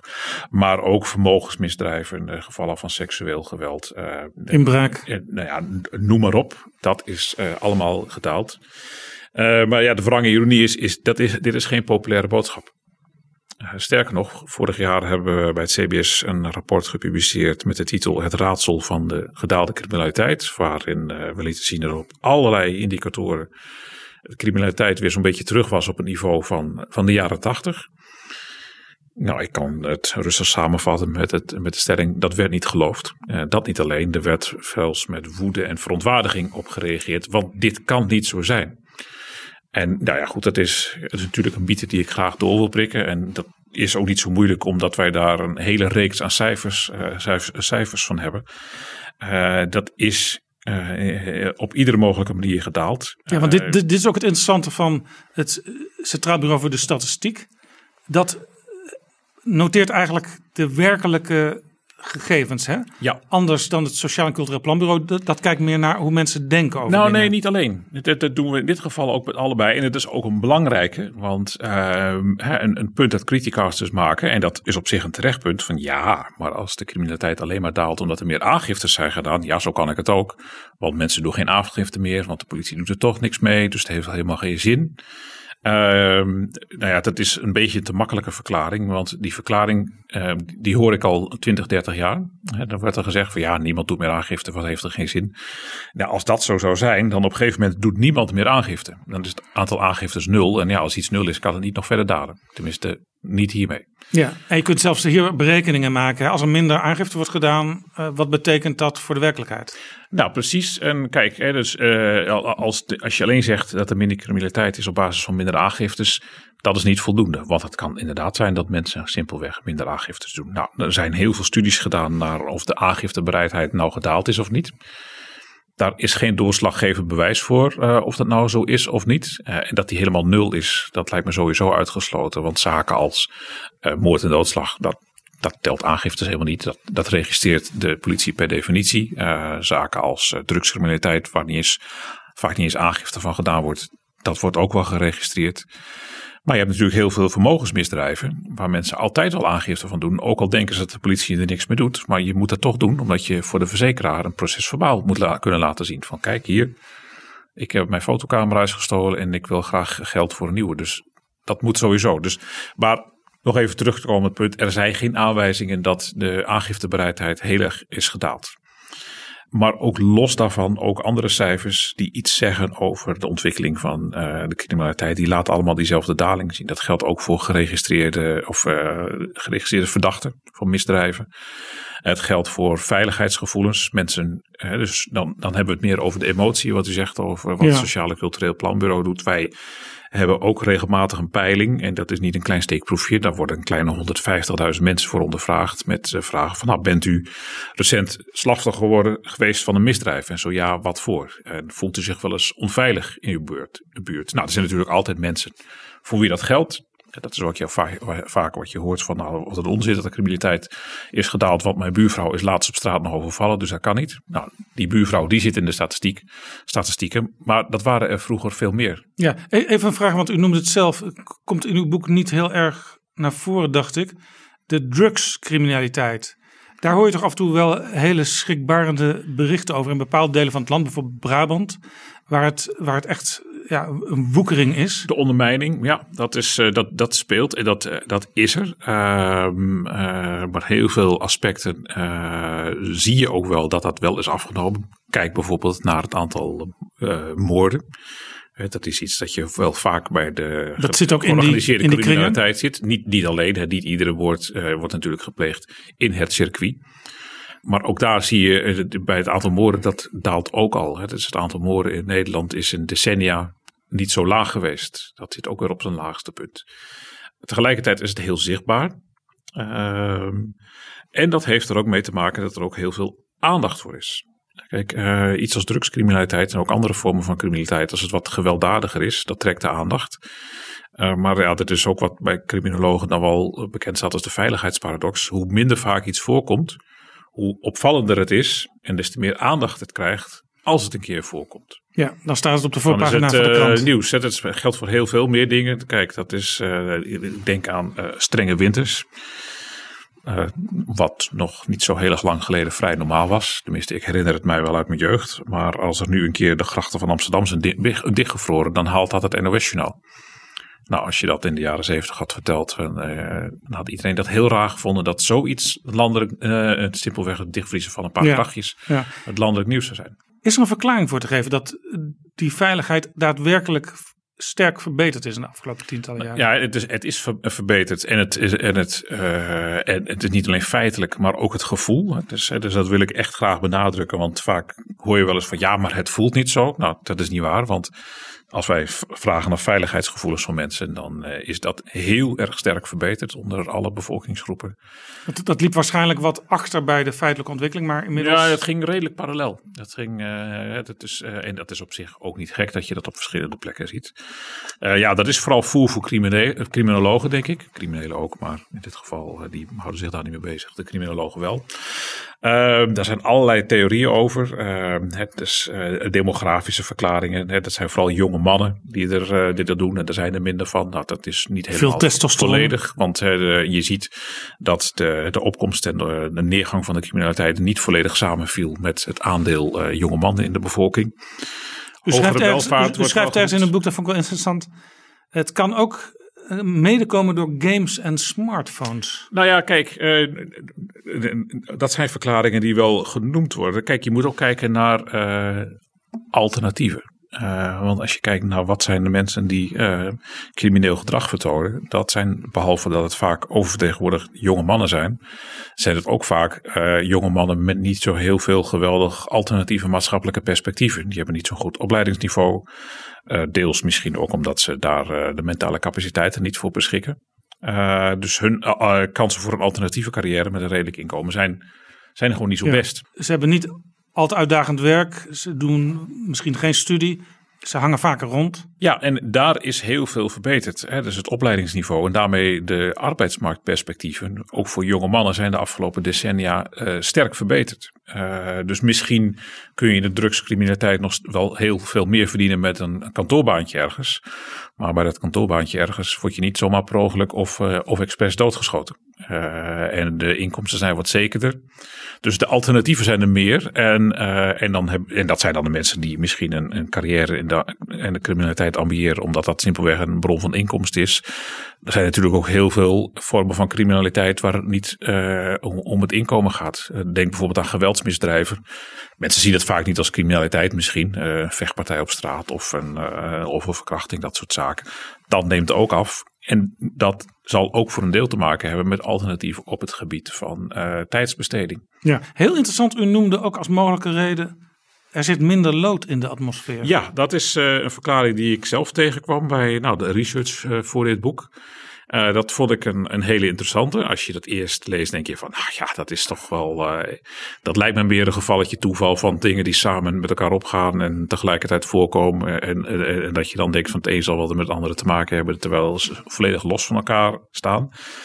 Maar het interessante is dat daar best veel bewijs voor is. En ook niet alleen dat het samengaat, maar ook. Want wat was het effect van lood? Dat het andere veroorzaakt. Nou, lood, en dat geldt trouwens ook voor. Uh, voor uh, andere zware metalen of andere stoffen die in de atmosfeer en het drinkwater terechtkomen. Lood heeft uh, impact op de hersenfuncties. Dat, dat wisten de Romeinen al. Uh, het verhaal gaat altijd dat uh, keizer Nero een beetje raar in het hoofd werd door de lode leiding in, het Romeinse Rijk. En daardoor de stad Rome afvakkelde. En meer van dat soort dingen. Maar het was ook bij de Romeinen al bekend dat, dat er een correlatie was tussen lood, een blootstelling daaraan. En nou ja, je mentale capaciteiten. Nou, en in de jaren twintig was er een chemicus die ontdekte dat als je lood toevoegt aan benzine, dat een motor lief. daarvoor was het een probleem bij automotoren dat een auto kon kloppen. Dus dan sloeg die af. Dat was natuurlijk heel vervelend in een, in een auto. Maar als je een klein beetje lood aan die benzine toevoegde, was het probleem helemaal voorbij. Nou ja, je kunt je voorstellen. Ja, was dus dat ging onmiddellijk gebeuren. Dat ging heel snel, werd toen overal lood aan de benzine toegevoegd. Nou, schitterend.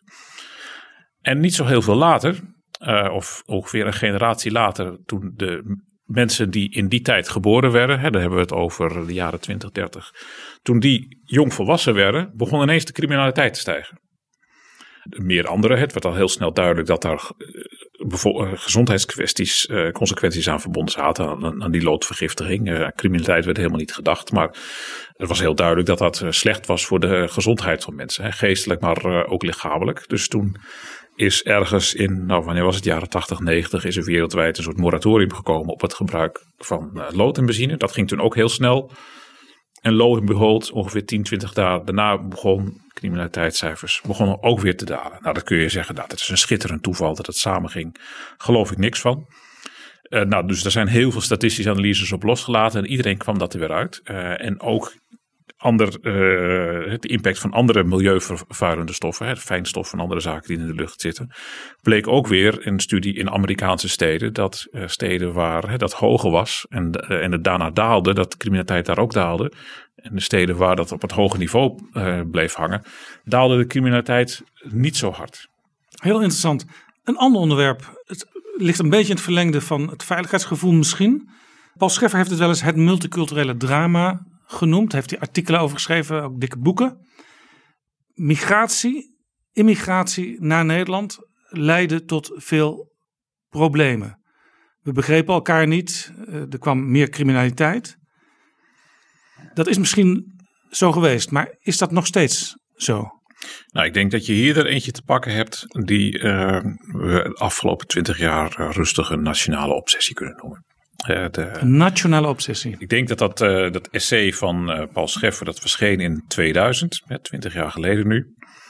Dat dat in zekere zin een beetje een soort start zijn is geworden van de discussie en ook het bewustwording in Nederland dat Nederland een migratie samenleving migratieland was geworden. Onder ogen, onze ogen was het gebeurd. We wisten natuurlijk al wel langer. Het fenomeen van de gastarbeider was al een tijdje bekend. Halverwege de jaren zeventig verhuisden er heel veel Surinamers naar Nederland. Uh, toen het land onafhankelijk uh, was geworden. Maar die zaten vaak geconcentreerd in bepaalde gebieden van Nederland. En we wisten het wel. En ach, die gastarbeiders die gaan ooit alweer een keer terug. Daar was nooit zoveel aandacht voor. En toen kwam dat essay en toen was het ineens duidelijk. Ja, potverdorie. Die mensen zitten hier nog steeds. En uh, dat gaat er niet goed mee. Nou, en toen kort daarop kwam natuurlijk de aanslag op de Twin Towers. Ja, het was ook de tijd waarin natuurlijk langer geleden al Jan Maat, maar ook later Frits Bolkestein en Pim Fortuyn ja. voor waarschuwden. En dit was eigenlijk een soort van ja, bijna wetenschappelijke onderbouwing van hun stelling. Nou ja, kijk, het speelde al langer. Uh, natuurlijk met de bewegingen van Hans Janmaat. Maar dat was altijd een beetje een, een, een beweging in de marge. Meer dan een paar zetels uh, bij de Tweede Kamerverkiezingen. Ja, dus daar schrok verder niemand van. Sterker nog, niemand, niemand ging daar verder op in. Niemand nam dat serieus. Uh, in de jaren negentig begon het inderdaad al een beetje te rommelen. Ook Frits Bolkestein zei er wat over. Dat was dus toch wat andere politicus. Maar op een of andere manier lijkt het erop of ja, die analyse van Paul Scheffer destijds dat dat, uh, ja, dat dat een soort waterscheiding was. Toen was er ineens duidelijk, ja, nou, er waren nou, politici die daar bovenop sprongen. Het werd, kun je zeggen, een algemeen erkend probleem. Natuurlijk. Ja, ineens was er een soort van, uh, had bijna iedereen het nergens anders meer over. En dat is heel erg lang zo uh, gebleven. Net werd, we hebben natuurlijk ook andere signalen gehad. Ik noemde net al de aanslag op de Twin Towers. Uh, de moordaanslag op Pim Fortuyn. Uh, want uh, ook het politiek succes van Pim Fortuyn had hier natuurlijk voor een heel groot gedeelte mee te maken. Nou, later de aanslag op Theo van Gogh door een, een radicale moslim. Overigens, IS. in diezelfde dus tijd. heel veel aandacht gehad. In diezelfde tijd kwam er een rapport van een onderzoekscommissie van de Tweede Kamer. onder leiding van Stef Blok, die nu minister van Buitenlandse Zaken is. Dat rapport dat werd eigenlijk door zijn eigen partij, de VVD, meteen in onder de laag gelegd. Want een van de hoofdconclusies was: de integratie is deels geslaagd. Ja, uh, kijk, dit is dan ook weer typisch zo'n zo voorbeeld van goed nieuws dat niet altijd even goed valt. Uh, maar dat, dat hele idee van multiculturele drama, dat, uh, dus, dat begon dus twintig jaar geleden met het gelijknamige essay. En twintig jaar lang ging het debat daar vooral over. Soms werden we wat even wat afgeleid, er was er weer eens wat, een financiële crisis. Maar uiteindelijk kwam het debat altijd wel weer terug op migratie, op integratie, hoe slecht dat wel niet was. En kijken, ze zijn veel criminelen, ze integreren maar niet. Ze doen het slecht in het onderwijs, ze zijn niet zoals wij, we, onze cultuur verandert. Hele politieke partijen hebben hun bestaan uh, aan dat gevoel van ongemak te danken. Uh, dus dit lijkt me nou bij uitstek iets om naar te kijken van hoe zit het nou echt? Nog even ja. los van hoe je erover denkt. Geert Wilders krijgt nog steeds in sommige kringen applaus als hij zegt minder, minder, minder. Ja, en uh, nou, het, het zijn er alleen maar meer. Het aandeel mensen met een migratieachtergrond in Nederland uh, stijgt nog steeds. En dat blijft het volgens onze bevolkingsraming ook nog wel doen. Heeft voor het groot deel ook te maken met het feit dat er heel veel arbeidsmigranten naar Nederland komen. Het is niet meer alleen uh, de klassieke migratielanden, Suriname, de Antillen, Marokko en Turkije. Het zijn nu ook heel veel uit andere landen, bijvoorbeeld uh, Polen, Hongarije, Bulgarije, ja. maar ook bijvoorbeeld verder uit de wereld, uit uh, India. Ook omdat er werk is voor die mensen? Precies, hè, dus uh, het motief is ook arbeidsmigratie. En veel Nederlanders ouder worden en niet meer op de arbeidsmarkt actief zijn? Ja, dus uh, al met al zie je dat het aandeel uh, mensen met een niet-Nederlandse, vooral niet-westerse uh, achtergrond aan het toenemen is. Nou, dat is voor heel veel mensen ook weer een signaal van, och jongens, het, het gaat al slecht en het wordt alleen nog maar erger. Hè. Dus dan, gaan de geluiden op van, nou, er moet bevolkingspolitiek gevoerd worden. Willen we dit wel met z'n allen? Maar, maar laten we even naar dan de, de cijfers kijken waar u zich op baseert. Ja. Hoe goed gaat het? Dus een beetje, uh, het flauwe antwoord is natuurlijk, hangt er maar net vanaf. Je kunt kijken, gaat het goed genoeg? Of gaat het de, betere kant, de, de goede kant op? Nou, het eerste, daar, daar doe ik liever geen uitspraak over. Ik bedoel, dat, daar zal iedereen uh, anders over denken. De ene vindt het een verrijking, de andere vindt het een verschraling. Ja, nou we kunnen in ieder geval zeggen, we komen uit een tijd van grote twijfel. Gaat het wel de goede kant op? Ja. U zegt, het gaat de goede kant op. Het, het, in alle opzichten gaat het beter. Hè? Dus in, in die twintig jaar, uh, een beetje met ups en downs, maar heb ik structureel weinig uh, minder aandacht voor het thema gezien. Dus het is iets dat nog steeds belangrijk wordt gevonden. Hè? Dus het is ook een zorg die nog heel veel mensen hebben over hè, de multi multiculturele samenleving. Iets dat ons in al die jaren niet minder uh, is gaan bezighouden. En, maar het, het, door die sterke focus denk ik dat we een beetje uit het oog zijn verloren dat er in die twintig jaar heel veel is veranderd. En eigenlijk alleen maar ten goede. Waar zie je dat aan, dat de dingen ten goede veranderen? Ja, en heel veel zaken, maar hè, een paar dingen die ik eruit pik, uh, dat zijn bijvoorbeeld arbeidsparticipatie. Uh, mensen met een niet-westerse achtergrond hebben veel vaker betaald werk op een hoog niveau, ook omdat ze het beter doen in het onderwijs. Uh, de misdaad is daar hard gedaald. Uh, Marokkaanse jongens, er wordt wel eens een, een probleem van gemaakt. Die zijn zoveel crimineler oververtegenwoordigd in de, in de misdaadstatistieken. Dat klopt. Mensen met een niet-westerse achtergrond komen vaker in aanraking met justitie dan met de mensen met een Nederlandse achtergrond. Maar dan zoom ik er eentje, één groep uit. De tienerjongens, waarvan we allemaal wel voorbeelden voor kennen van de rottigheid die ze uithalen. De tienerjongens van nu met een niet-westerse migratieachtergrond zijn minder crimineel dan de tienerjongens met een Nederlandse achtergrond dat tien jaar geleden waren. Dat is opmerkelijk. Ja, dus bij al die groepen is het gedaald en ook bij deze. Dus dat, dan kom ik weer even terug bij de criminaliteit. Afgelopen twintig jaar is de criminaliteit hard gedaald. Uh, tegelijkertijd is het aantal mensen met een niet-westerse achtergrond in Nederland alleen maar gestegen. Dus daarmee kun je alleen al zien dat uh, meer migratie niet heeft geleid tot meer criminaliteit. Nee, want je zou wel degelijk kortsluiting kunnen verwachten. Hè? Mensen waarvan de cultuur niet meteen aansluit op de dominante cultuur. Uh, die is er misschien ook wel. Relatief zie je ook wel verschillen. Mhm. Maar als je alles per categorie bekijkt, dan gaan al die categorieën toch de goede kant op. Ja, en, uh, en ook andere vormen van uh, maatschappelijk uh, succes. Dan hebben we het over integratie. maar dan zie je ook dat de maatschappelijke participatie bij mensen met een niet-Nederlandse achtergrond echt is toegenomen. Dat ze vaker vrijwilligerswerk zijn gaan doen. sterker nog, de doorsnee niet-westerse migrant in Nederland doet vaker vrijwilligerswerk dan de doorsnee Belg of Duitser. Het is uh, vrijwilligerswerk, daarin is Nederland wereldkampioen. Uh, en ook daarin merk je dat mensen met een niet-Nederlandse achtergrond daarin gewoon mee gaan doen. Die zijn ook vrijwilliger bij deze of gene organisatie. Dus ook wat dat betreft gaan ze steeds meer op andere Nederlanders lijken. Dus uh, en, en, en ik, je zal direct herkennen, nou dat staat ook in mijn boek, hè, dat er nog steeds uh, veel te wensen over is. Er is in heel veel terreinen is er nog steeds een achterstand. Want inderdaad, ze zijn nog minder vaak doen ze vrijwilligerswerk dan Nederlanders. Ze doen het nog steeds minder goed op de arbeidsmarkt. Uh, de, in het onderwijs doen ze het nog minder goed. Criminaliteit is nog hoger. Maar die verschillen zijn kleiner geworden. En op alle fronten zie je daar verbetering. Dus ik denk dat dit simpelweg een kwestie van geduld is. En dat als we over 50 jaar terugkijken en denken van ja, weten jullie nog, begin 20e eeuw. Toen dachten we dat het nooit goed zou komen. En dat, dat je dan een beetje terugkijkt met het idee van, hè, oh ja, dat was toen zo.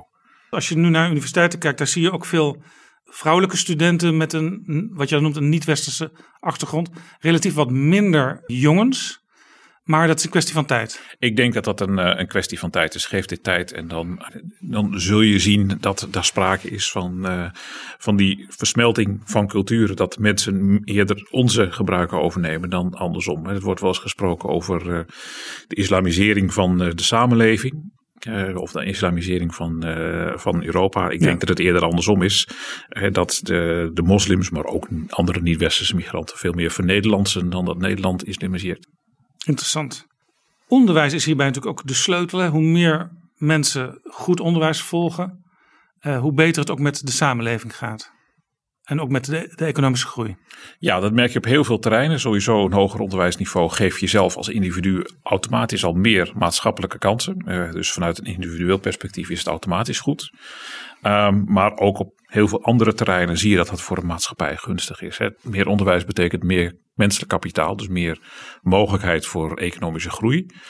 Uh, en je ziet ook dat mensen die hoger op zijn geleid op heel veel andere manieren ook meer participeren. Ze hebben meer vertrouwen in de medemens, meer vertrouwen in instituties. En vertrouwen is echt een kerningrediënt voor economisch succes. Uh, dan zie je vaak, je ziet altijd dat landen waar het onderling vertrouwen en het vertrouwen in bijvoorbeeld de rechtspraak, pers, politie hoog is, dat dat ook landen zijn die het op andere terreinen goed doen. Nederland staat wat dat betreft samen met de Scandinavische landen aan de wereldtop. Uh, ze zijn hoger opgeleid, zijn ook uh, gezonder uh, op, op alle manieren hebben ze een, plezierige leven. En nou, dat is ook iets waar bijvoorbeeld Kim Putters van het SCP wel eens op wijst. En dat is nou net wel een, een kloof in Nederland die er wel is. Het dus naar opleidingsniveau is dat het is fijn dat hoogopgeleiden het zo goed getroffen hebben. en dat het er steeds meer worden. Maar de keerzijde is dat uh, lager opgeleide mensen vaak nog in de hoek zitten waar de klappen vallen. En dan heb ik het uh, niet over mensen met een, uh, een MBO-opleiding. De praktisch opgeleide, die misvatting bestaat wel eens. Laag opgeleide, dat zijn mensen met echt heel weinig opleiding. Die hebben alleen basisschool of VMBO.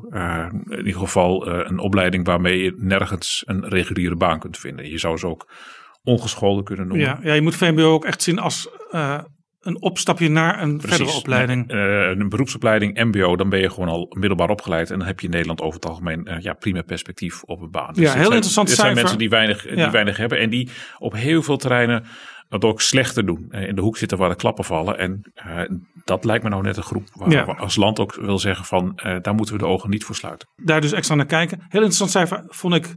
Uh, in 2003 schrijft u in uw boek was, was 30% van de jongvolwassenen hoog opgeleid. Inmiddels is dat 50%.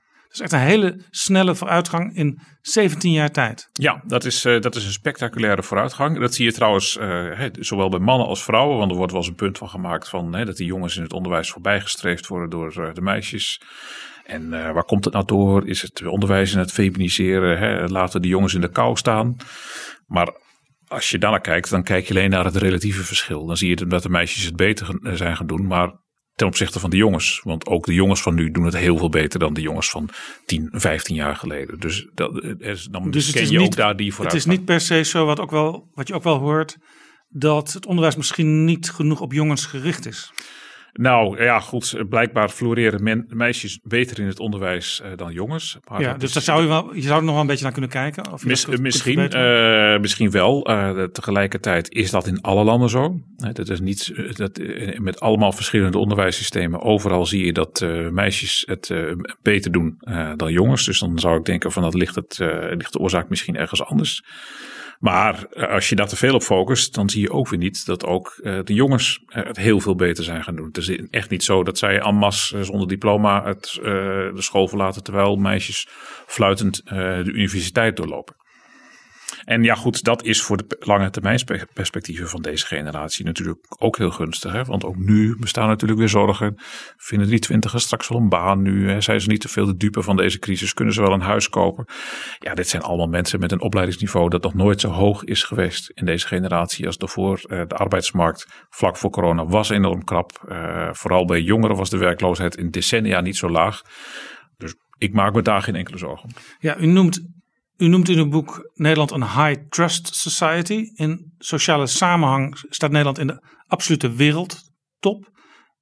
Wat is nou de belangrijkste zwakte van Nederland? U noemde net al laag opgeleide, daar moeten we extra naar kijken. Hoe we die jongeren er meer bij kunnen betrekken en een beter perspectief kunnen geven. Maar als je kijkt naar Nederland, dat prachtland, eh, heeft het ook nog zwaktes? Ik denk dat het uh, Nederlandse vaasje van bijna onbreekbaar porselein is. Uh, juist ook door dit soort zaken als uh, die High Trust Society. Dat is echt een, nou ja, nou herhaal ik mezelf een beetje, maar echt een kerningrediënt voor uh, succes dat je als land kunt hebben. Dus daar mogen we heel blij mee zijn. Ik denk dat je dat nu in de coronacrisis ook weer terugziet. Dat merk ik zelf op straat, dat mensen gewoon elkaar meer gaan groeten. Het gevoel van saamhorigheid dat er is.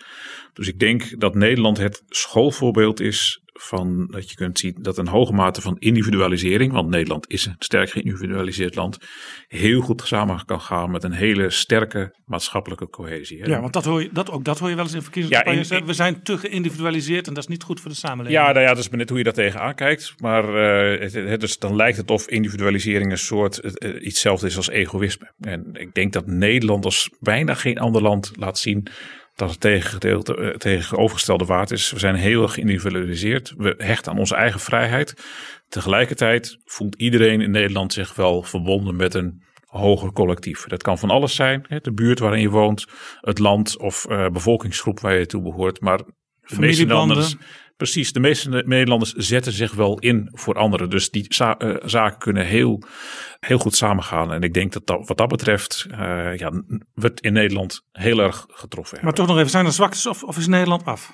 Nederland is niet af. Nederland is nooit af. Eh, hè, er is altijd genoeg te wensen over, gelukkig maar. Dus dat, dat merk je wel eens als er dit soort boeken geschreven worden. Want ik ben natuurlijk zeker niet de eerste en ik hoop ook niet de laatste. eh, dat er wordt gezegd, ja, dat is van dat naïeve, naïeve optimisme. Hè, alsof het allemaal vanzelf goed komt en er is niks meer aan de hand. Nou, dat wil ik eh, met klem bestrijden. Want er in Nederland is er nog genoeg te wensen over. Eh, en, maar goed, dat zal per individu verschillen wat eh, belangrijker gevonden wordt. Van de een zal het eh, misschien zoeken in eh, racisme dat eh, aangepakt moet worden. De andere zegt eh, nee, criminaliteit vind ik veel belangrijker. Of een schone natuur.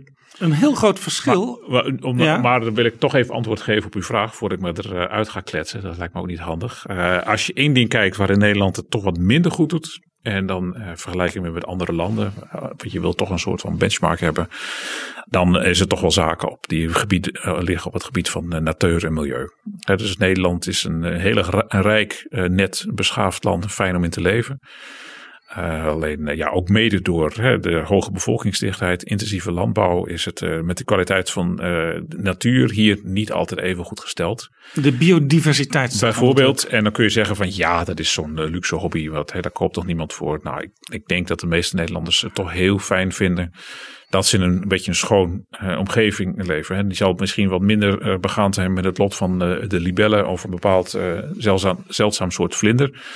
Maar dat ze zelf in een schone buurt wonen waar ze plezierig een wandeling of een fietstocht kunnen maken, dat, dat vinden we toch wel fijn. En Ja, 40% daar van we de, nog wel de wat aan doen. planten- en diersoorten is bedreigd. In 1950 schrijft u in uw boek, gold dat eigenlijk nog voor geen enkele plant of diersoort.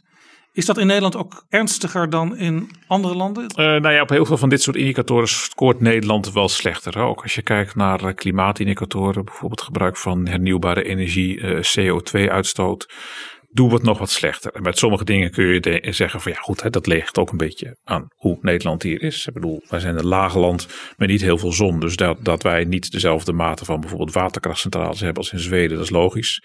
Aan de andere kant, eh, gewoon eh, geografisch verschilt een land als België ook weer niet verschrikkelijk veel van ons. En daar doen ze het heel veel beter. Dus ik denk dat we hier nog wel, eh, wel nog wat, eh, wat te winnen valt. Nog En ook ding. die kansengelijkheid, hè, die is in Nederland vrij groot. Maar er bestaat een groep Nederlanders die moeite heeft om mee te komen. En ik denk dat we die groep eh, ja, niet moeten vergeten. En denken van, ach, het gaat wel goed. We zijn toch hartstikke gelijk. eh, Welke groep? Klaar. De, nou, die, waar we het ook al eerder over hadden. eh, over mensen met een laag opleidingsniveau. Met minder maatschappelijke kansen. U vergeet één groep en die staat wel in uw boek redelijk uitgebreid beschreven. En dat zijn de vrouwen als je kijkt naar het aantal uren dat vrouwen actief zijn op de arbeidsmarkt. Dat, daarin verschilt Nederland heel erg van vergelijkbare landen. Ja, dat klopt. Het is moeilijk om daar nou zeg, over te zeggen van is het goed of slecht. Eh, want tegelijkertijd eh, hebben Nederlanders daardoor ook heel veel vrije tijd. Het zijn niet alleen de vrouwen die veel parttime werken.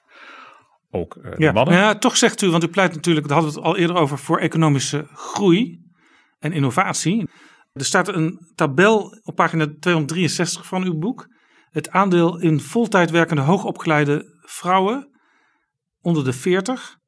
Daar staat Nederland onderaan de tabel van met Nederland vergelijkbare ja, landen. Ja, dat klopt. Dat is, uh, dat is heel opvallend. Uh, het Nederland kent heel veel hoogopgeleide vrouwen. Ja. Van, zeker bij de jongere generatie, wat we het net al Daar zou je dus van zeggen, die hebben universiteit of hoger onderwijs ja, gedaan. HBO of meer. Dus van alle jonge vrouwen, dus zeg tussen de 25 en de 35. Maar die doen daar meer, niet, meer dan de niet helft evenveel mee als hun mannelijke collega's. Nee, nee. En dat, is, uh, dat lijkt mij een stukje kapitaalvernietiging.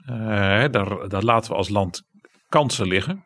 Uh, en nou kan dat uitkomst zijn van een keuze. Van, uh, nou ja, we vinden het ook wel plezierig. Er is meer in het leven dan in werk. Nou, dat is een sentiment waar ik uh, veel sympathie voor kan hebben. Maar tegelijkertijd denk ik dan A, waarom maken vrouwen zoveel vaker die keuze dan mannen? En waarom B, waarom is dat verschil tussen man en vrouw in Nederland zoveel groter dan elders. Ik bedoel, dat, er wordt wel eens tussen man en vrouw van gemaakt. Ja, dat, dat is een verschil. Dat zit gewoon in de genen. Nou, daar ben ik nog niet van overtuigd. Maar zelfs als het zo zou zijn, uh, ik kan me niet voorstellen dat het genetische verschil tussen man en vrouw in Nederland groter is dan in uh, Bulgarije, Zweden of Frankrijk. Ja, er is een belangrijk verschil met Zweden. Daar is de kinderopvang tot in de puntjes geregeld. Ja, dat is een heel belangrijk verschil. Nou is het zo dat in Nederland alle vrouwen in meerderheid parttime werken. Ook als ze nog helemaal geen partner of kinderen hebben. Dus dan denk je van nou... Het is bijna een, een cultureel ding. We hebben hier een jong, hoogopgeleide, alleenstaande vrouw van 28. Helemaal geen kinderen. En ze werkt drie, vier dagen in de week. Waarom? Wat, wat houdt haar tegen? Want haar mannelijke leeftijdsgenoot met dezelfde gezinssituatie. Die heeft gewoon wel een fulltime baan. Uh, en dan kun je zeggen van ja, dat is een kwestie van prioriteiten. Ze, waardeert, ze hecht wat meer waarde aan vrije tijd. Maar dat vind ik ook niet overtuigend. Want diezelfde man en vrouw toen ze vijf jaar jonger waren in de, in de schoolbanken zaten. Dan zie je dat over het algemeen... Uh, in mijn ervaring de jongens vrije tijd wat meer uh, waarderen dan de meisjes die gewoon hard. De meisjes waren ijveriger. Die, uh, die zijn op school een stuk gedisciplineerder, maar dan wordt er gewerkt en dan slaat het ineens volledig om en dan gaan de jongens er helemaal vol voor. De vrouwen die, die nemen een stapje terug. Het is bijna een apart boek waard als, als thema. Ja, ja, ik vind het mysterieus. er, zijn, er zijn van allerlei verschillende theorieën over. Maar je ziet het ook terug in opvattingen die mensen hebben. Dat in Nederland is het een minderheidsstandpunt dat vrouwen geschikter zijn voor de opvoeding dan mannen bij jonge kinderen. Uh, het is een, ruim 1 op de 3 die dat vindt. Maar dat aandeel is wel hardnekkig. En de Nederlandse samenleving is daarop ingericht dat. Uh, Wij zijn dus relatief ouderwets blijven denken op dat terrein. Ja, dus wat dat betreft denk ik dat we nog wel in de jaren 50 zijn blijven hangen. De basisscholen die gaan om drie uur, twee uur gaan ze dicht. Er is dan, geen opvang na schools? Uh, ja, die is er wel, maar dat is de verantwoordelijkheid voor de ouders om dat te regelen. In Zweden is dat anders, dan is dat gewoon centraal geregeld. Kijk, hier als je dat doet, dat is helemaal je eigen keuze. Je hoeft dat niet te doen. Je ja, ik weet, ik weet, thuis houden. Ik weet vroeger al in Frankrijk in de jaren 70. Uh, Kinderen kregen warm eten tussen de middag op school. En hoefden s'avonds eigenlijk alleen nog maar een boterham te eten of zo. Dus dat was voor die ouders veel makkelijker. Ja, en hier wordt er al heel tegen anders tegen aangekeken. Sterker nog, in Nederland vinden we dat heel zielig. Uh, dus uh, in Nederland is het zo, als je kinderen drie dagen of vaker in de week naar uh, de naschoolsopvang doet. Dat, nou ja, dat, vinden we, dat vinden we niet opvoedkundig beste keuze, zal ik maar zeggen. In de land als Zweden is dat radicaal anders. Als je kind daar niet naar de opvang doet, dat vinden mensen daar zielig. Een beetje zoals wij het hier zouden vinden als uh, je zegt nee, mijn kind mag niet op een sportclub. Dat denk ik, wat zijn dat voor... Uh, wat zijn dat het voor gekke is dat, dat heel veel mensen het idee hebben in Nederland... Uh, het feminisme heeft zijn doel bereikt. De emancipatie is voltooid. Dat is misschien wel zoals we zeg maar, in gelijkheidstermen ethisch, normatief over elkaar denken en met elkaar denken. Maar dus nog niet als het gaat, als je kijkt naar de arbeidsmarkt. Nee, nou ja, kijk, in, uh, puur juridisch gezien uh, is emancipatie hè, uh, vrijwel af. er zijn heel veel regelingen die vroeger voor mannen en vrouwen anders waren, die zijn uit de wet geschrapt. Dus artikel 1 uit de grondwet wat betreft geslacht, nou, gewoon puur juridisch in Nederland is dat af. Ja, vroeger was het zo als vrouwen uh, huwden, dan moesten ze bij de overheid stoppen met werken. Ja, en tot in de jaren tachtig was het zo dat vrouwen andere AOW-rechten hadden dan, uh, dan mannen. Ja, dat is op last van de toen Europese gemeenschap gelijk getrokken. Die heeft gezegd, uh, mensen, dit is, dit is rechtsongelijkheid. En toen ging Nederland met veel gesputter en tegenzin daarmee akkoord. Want ja, we hadden eenmaal de vraag om de verdrag ondertekenen, dus dat moest dat. Maar dat ging niet van harte, die gelijkberechtiging van man en vrouw op uh, dit terrein. Ja, het kostte geld, dus geen wonder dat we mensen het niet zo fijn vonden. Maar op een paar hele kleine uitzonderingen na misschien is, uh, is dat nu wel zo'n beetje uit de wereld. Alleen het hele denken is in Nederland nog wel anders. En ik noemde net, zo net niet voor niks de jong hoogopgeleide vrouw zonder partner en kinderen die ook al parttime gaat werken. Dan denk je, waarom is dat? Uh, het kan natuurlijk ook gewoon. Ja, kijk, ik heb daar zelf te weinig onderzoek naar gedaan om daar hard iets over te zeggen. Maar ik zou me kunnen voorstellen dat dat ook een simpelweg een kwestie is van anticipatiegedrag. Dat onbewust meespeelt. Ik ben nu nog uh, jong en geen partner en geen kinderen. Maar ja, misschien heb ik over tien jaar wel een partner en kinderen. En dan ga ik toch uh, parttime werken. Dus wat zou ik me nu op mijn carrière uh, gaan richten? Er zijn natuurlijk wel vrouwen die dat doen. Maar vrouwen doen het veel minder dan de mannen. En het zou best zijn, kunnen zijn dat, dat ook uh, bij jongvolwassenen... dat daar die anticipatie al plaatsvindt. En waarschijnlijk is dit ook een van de redenen... waarom Nederlandse vrouwen meer nog dan vrouwen in vergelijkbare landen... tegen het zogenoemde glazen plafond aanhikken. En dat er bijvoorbeeld relatief weinig CEO's tot mensen in bedrijven ja, nou, kijk, zijn. dat, uh, er, wordt veel gegooid op uh, discriminatie. Dat, uh, dat is het ons kent ons netwerk. Dat, die jongens die elkaar allemaal, die kennen ze elkaar van de club en die benoemen elkaar. Tot, een zekere, geen kans maken. tot een zeker niveau Klopt dat ook? Uh, dat, daar zijn vast aanwijzingen Als je alleen maar mannen om je heen ziet, ja, dan denk je ook als eerste vaak aan een man. Ja, maar goed, het geldt voor uh, natuurlijk andere zaken ook. Hè. Je hebt ook bedrijven waar je er niet tussen komt als je geen lid bent geweest van het juiste studentenkoor. En dan maakt het niet eens zoveel uit of je uh, man of vrouw bent.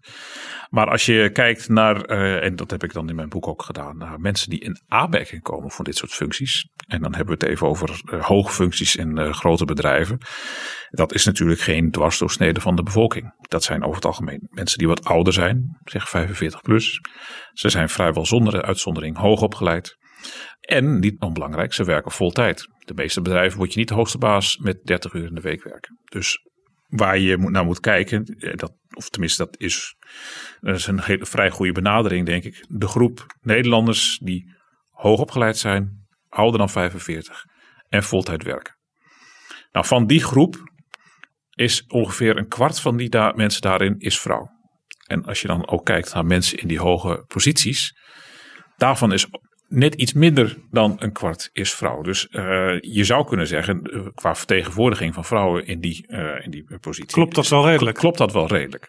En als er wat lager is, dan goede kans dat het te maken heeft met het feit dat mensen die nu in die leeftijdsgroep zitten en fulltime werken, misschien niet hun hele leven fulltime hebben gewerkt, maar een tijdje een stapje terug hebben gedaan.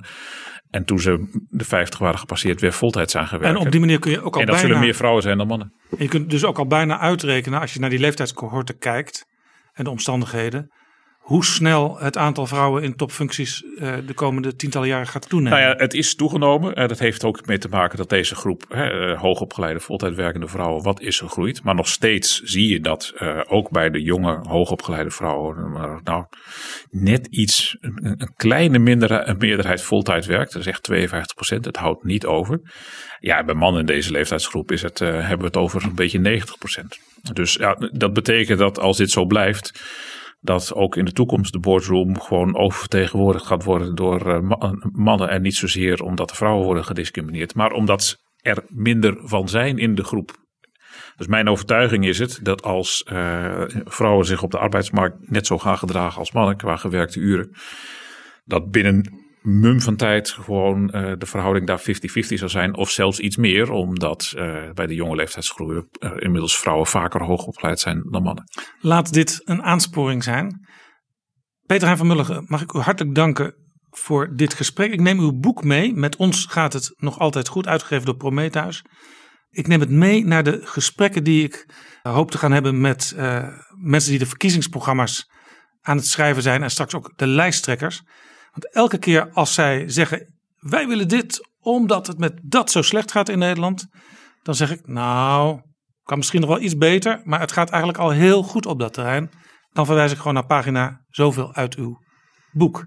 Ik neem het dus gewoon mee in mijn rugzakje de komende maanden. Dank u wel voor dit gesprek. Heel goed. En uh, nou, nog één ding. Het gaat misschien goed, maar laten we niet vergeten, het kan altijd beter.